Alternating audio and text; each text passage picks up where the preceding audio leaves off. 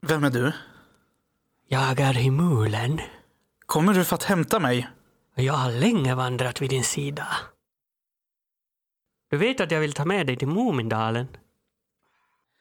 Jag är så jäkla trött på alla dessa dalar. Jag är uppe i minst 10 000 sen Angelima och Törnrosdalen och allt det där. Fy f- Du ska med där, Niklas. Snorkfröken, Muminpappan, Ja, Pipa med eh, Snusmumriken. du ska med där, Niklas. Men du, jag... Du, eh, du spelar ju schack va? Eller hur Hemulen? Eller är det bara de här eh, frimärkena och blommorna du samlar på? Men Hur kan du veta att jag spelar schack? Ja, det, det står ju lite mellan raderna. Ja, men jag är verkligen en ganska skicklig schackspelare. Det har du helt rätt i. Ah, du kan ändå inte vara skickligare än jag. Det får vi bli två om.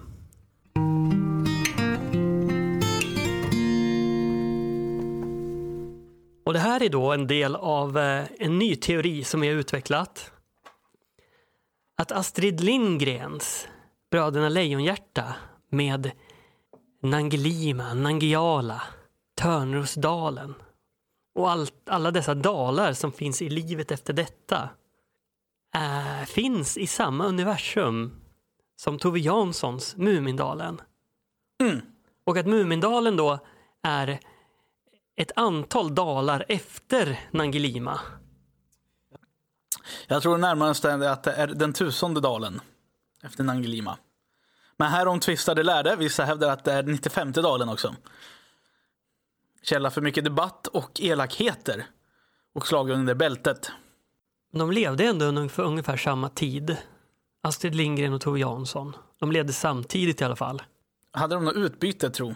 Klart de hade. Ja, säkert. Tofslan och Vifslan.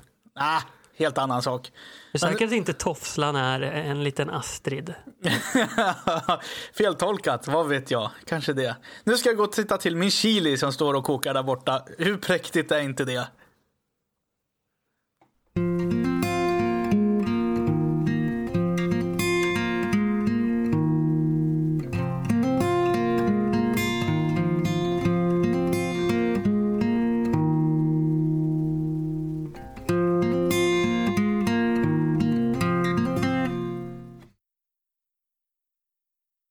Mm.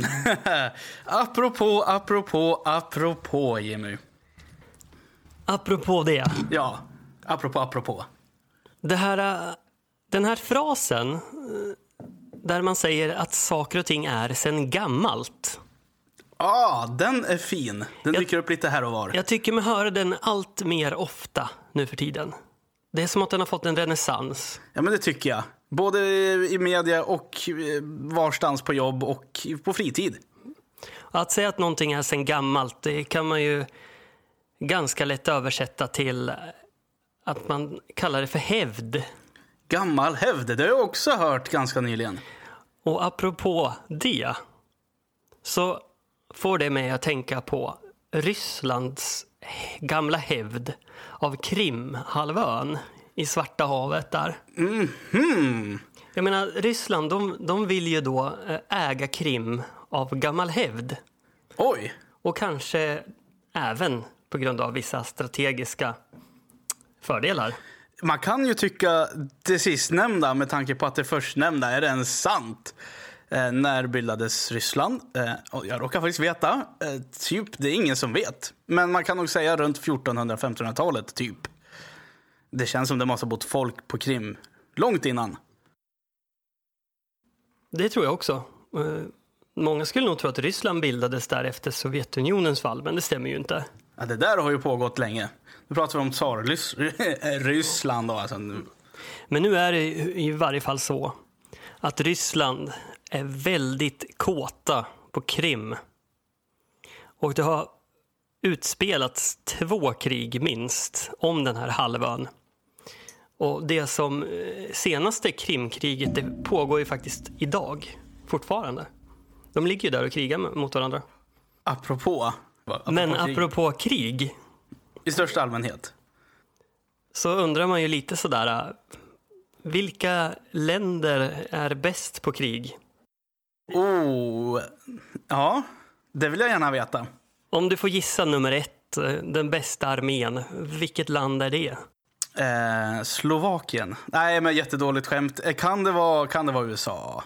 Det stämmer. USA är alltså bäst då. Varför då? Vet du det? De spenderar extremt mycket pengar på försvaret varje år. Det måste vara mer än 5 eftersom det var liksom enligt NATO-kontraktet man ska spendera. De, de spenderar 4 800 miljarder kronor per år. Alltså, det är helt ofattbart. Det är mycket folköl det. Det är alltså 5 biljoner ungefär kronor. Helt otroligt. Och de har ju alltså eh, väldigt bra teknologi i USA och de spenderar jättemycket pengar på att utveckla sina kärnvapen. Det trodde man inte. Nej, jag trodde att det var liksom på, på nedgång det där. USA lägger alltså lika mycket pengar på utveckling av kärnvapen som alla andra länder i världen tillsammans lägger på sin utveckling av kärnvapen. Otroligt. Säger det om någonting, om någonting egentligen? Man tänker hur många vap- länder har kärnvapen om man ska tänka efter? Det är typ fem stycken. Eh, Ja, det är ju USA och det är Ryssland, England, Frankrike, Pakistan, Indien. Kina. Men Nordkorea, som en liten bubblare där. Ja, de har ju det. Eh, Israel, har de kärnvapen? Ja, ingen riktigt vet. Förmodligen. Men nu kommer vi lite ur spår här. Den näst starkaste armén, v- vilka, vilket land är det tror du? Eh, antingen är det Kina eller så är det Ryssland. Kan vara Nordkorea också, som en, återigen den där lilla bubblaren. Nej, men vi säger, vi säger Kina. De är starka idag. är faktiskt fel enligt den här eh, ja, Global Firepower Index som jag har kollat på. Ja, ja, det lät mustigt. Tvåan är Ryssland. Mm. Ja, det borde man ju ha anat. Och vet du varför? De, vet du vad deras starka kort är? Ja, det måste ju vara kärnvapen, tänker man. Men... det är inte det. Nej, vad är det, Det är pansarvagnar. då? Otroligt! Eh, kan vara en kvarleva från f- andra världskriget. De hade ju dåtidens bästa tanks, faktiskt, trot eller ej. Jo, men det är en, en stolthet tror jag Ja. i Ryssland. Och de har ju, nu har ju de 20 000 pansarvagnar ungefär då. Är det ens är det liksom modernt att ha en pansarvagn? Vad ska man med dem till? Det är ju cyberkrig som gäller numera. Ja, så men det att- känns ju som det. känns lite onödigt. Ja, Men de har de där 20 000 pansarvagnarna. ja de, de är säkert eh, bra till något. Det blir svårt att invadera Ryssland kan man tänka när de står med Ja. en mur av pansarvagn och sådär ska skjuta. Och, men USA då som jämförelse, de har ju bara 5000 pansarvagnar så där är Ryssland. Ja, det var ju, de har ju övergett den där gamla pansarvagnsstrategin, det hör man ju. Ja, de har väl drönare eller sådär. Men tredje platsen då? Det är Kina. Det är Kina. Och vad tror du att de är starka på då? då? Eh, det, det känns ju det måste vara cyberkrigföring, eller teknologi i alla fall på något sätt. Eh, Nej, det är Manpower kanske. precis, det är precis tvärtom mot teknologi. De har the manpower. Flest soldater. Och redo att dö för sitt land. Ja, men det kan ju ligga någonting i det. Men de är ju på stark frammarsch, Kina, det vet vi ju alla. Så jag tror de kommer ta om Ryssland inom Mm. kort. Huawei, vet du. Huawei, tänk på det. 5G tar över. Mm. Jag vet Var det- Jag vet inte om Global Firepower är speciellt intresserade av det här med cyberkrig. Det känns De lät inte... väldigt fokus på det militära. Ja. De känns ju också lite daterade. Nummer fyra på listan. Eh, Indien. Rätt. Oh, Nummer fem är Frankrike eh, och sen kommer jag inte ihåg mer. otroligt. Tyskland. De låg nia. Otroligt. Ja, det känns som att de har strategiskt, eller av historiska skäl, kanske har valt att tona ner sin krigsmakt. Ja, jag undrar om inte det fortfarande ligger restriktioner på Tyskland efter allt som har hänt. Mm. Men då vill jag på, apropå, eh, då vill jag höja en varnandes finger. Jag, som- både jag som du är ju i teknikbranschen och vi råkar veta att det finns ett tyskt företag som har nästan världsherravälde på det här området. Siemens. Evil Siemens går det under bedömningen. De tar över ta mig tusan allt. Tysken är lurig. Den finns kvar som ett hot. Absolut. Tysken är långsiktig. Jag tror det att när kriget kommer, då kommer Tyskland att liksom kicka in sin plan A. De har ju en plan för allt va? Ja, men det har de. Och de kommer liksom att utveckla sig lite som en transformer eller någonting. Och eh, liksom fördubbla, tredubbla, tiodubbla sin krigsmakt inom loppet av en vecka. Absolut. Tänk dig, hela Sveriges fabriker är uppbyggd på tysk teknologi. Alltså fabrikerna kommer utvecklas till Transformers, bokstavligen talat. Tysken har sina fingrar med i spelet överallt. Apropå, vet du vem mer som var rädd för tysken? Nej, Gustav den andra Adolf och apropå krig. apropå det ja. Ja, Vad gjorde han då som var så? ja han var ju rädd för att eh, det katolska tyska kejserliga riket skulle komma och ta över hela Tyskland och däremot få kontroll över handeln över Östersjön. Gustav II Adolf, den svenska kungen. Ja, kanske var så att de skulle till och med invadera Sverige. Det var han ju rädd för. Det här var han tvungen att göra någonting åt. Så han utvecklade en strategi. Låt höra. Låt höra. Då ska jag berätta. Först, steg ett. Få igång finansieringen av den eländiga svenska armén som var eftersatt. Så vad gör han? Han effektiviserar administreringen och han anlägger städer som han kan taxera. För i städer där kan man bedriva handel och handel kan man, ja, förtulla. Punkt. Då råkar jag veta att han grundlade Sundsvall, Karlstad, Göteborg bland annat, med flera, med flera. Du ser, han byggde upp Sverige helt enkelt. Vilken stadsbyggare! Steg två, rensa bort onödigt dött kött och saker som stör. Eh, som exempel eh, kriget mot Ryssland. Avsluta det snabbt. Kriget mot Polen, avsluta det snabbt. Dansken, dansken är seg. Så att där får man ju sluta fred väldigt snabbt. Steg tre. Kom på en helt ny armé och en helt ny strategi. Han uppfann det man kallar moderna kriget. Lättröriga styrkor jämfört mot de tunga och sega eh, kejserliga arméerna. Mycket stor framgång väldigt snabbt. Han revolutionerar krigföringen helt enkelt. Han, det låter som att han måste ha varit en ganska välutbildad person, någon typ av krigs, krigsstrateg. Han rankas ju, har jag då förstått, som en av de främsta, eh, vad säger man, krigarhärskarna? Strategerna, vad säger man? Krigsherrarna. Krigsherrarna, mäktig krigare genom historien. När du sa det där om att han bort röstning, eller ska jag säga, han gjorde sina arméer lättare. Eh, lättare, de, han fick dem att vara lättrörliga. Och det är alltså hur han ställde upp armén. Det kanske var något Han som använde tog... lätta kanoner som man kunde dra och flytta på. Och så kom han på att man ska ställa tre led med sköter som skjuter samtidigt. En typ på knä, en halvstående och en stående. Det var han som kom på det. Mm, en sån sak. Jag tänker mig att han kanske tog lite inspiration från Genghis khan där med snabbrörliga trupper. Punkt fyra. Eh, Genom ett starkt ledarskap så utvecklade han även sina officerare. Han gjorde lite teambuilding här helt enkelt och kompetensutveckling. Och vaskade fram riktigt bra officerare och göd mot i sina soldater då. Dessutom.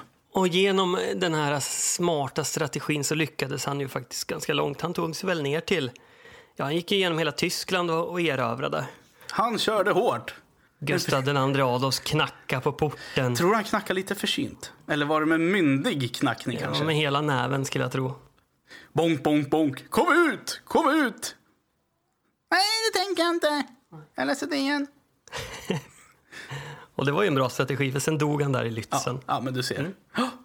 Men apropå det. Apropå det. Det låter ju lite som att Gustav II Adolf använde samma strategier som företagsledare använder idag. Det är väl lite samma sak? Ja, de kanske har kopierat honom. Eh, och då, du tänker typ riskkapitalister kanske? Ja, I synnerhet. men de köper upp ett företag och sen så eh, hugger de av de här delarna som inte är lönsamma på samma sätt som han liksom avslutar de här krigen snabbt. Fixar pengar också. Pumpar in lite pengar där. Ja, det är ju det de gör först ja, Ja. med sitt riskkapital där.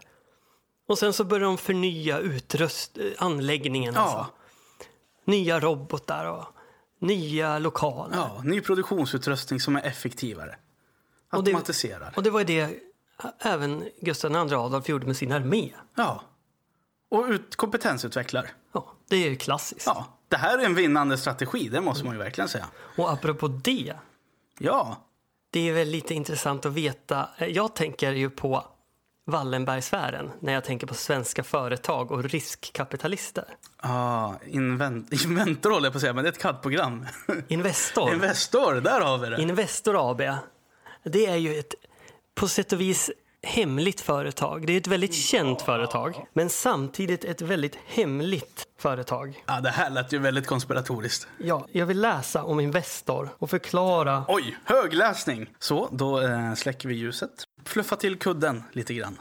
Luta er tillbaks. Investor AB, en del av den kända Wallenbergsfären.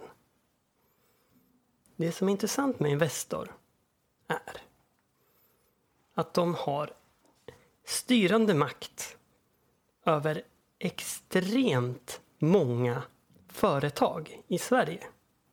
Bland annat ABB, Aleris, AstraZeneca, Atlas Copco, Electrolux, Ericsson, Grand Hotel Stockholm, Husqvarna, Permobil, Saab, E SEB, SKF, Stora Enso, 3, Wärtsilä. Investor AB sitter då och styr över alla dessa företag. Det är en liten spindel i nätet kanske man kan säga. Är nog Sveriges mäktigaste familj åtminstone, får man väl säga, Wallenbergarna. Synas utan att verka. Jag anar att de har kamouflagekläder på sig. Är det lite white trash ändå? Eller är det lite Gustav II Adolf?